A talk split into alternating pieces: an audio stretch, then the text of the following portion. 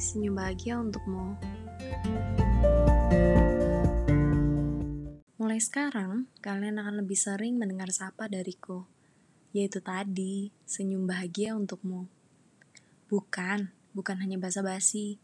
Kalimat itu lebih sebagai pengingat, penyemangat, serta harapanku bagi para pendengar podcast ini.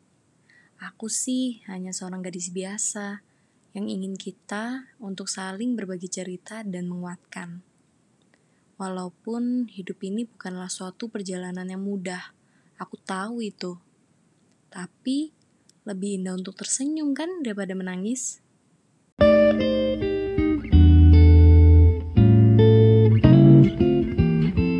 Lagi pula, banyak hal yang cuma bisa kita senyumin aja. Seperti ketika ditanyain kapan nikah, padahal aku masih jomblo loh. Lucu. Semoga apa yang aku sampaikan dari hati bisa diterima juga oleh hati kalian semua. Gak sabar deh untuk menemani harimu dengan podcast ini.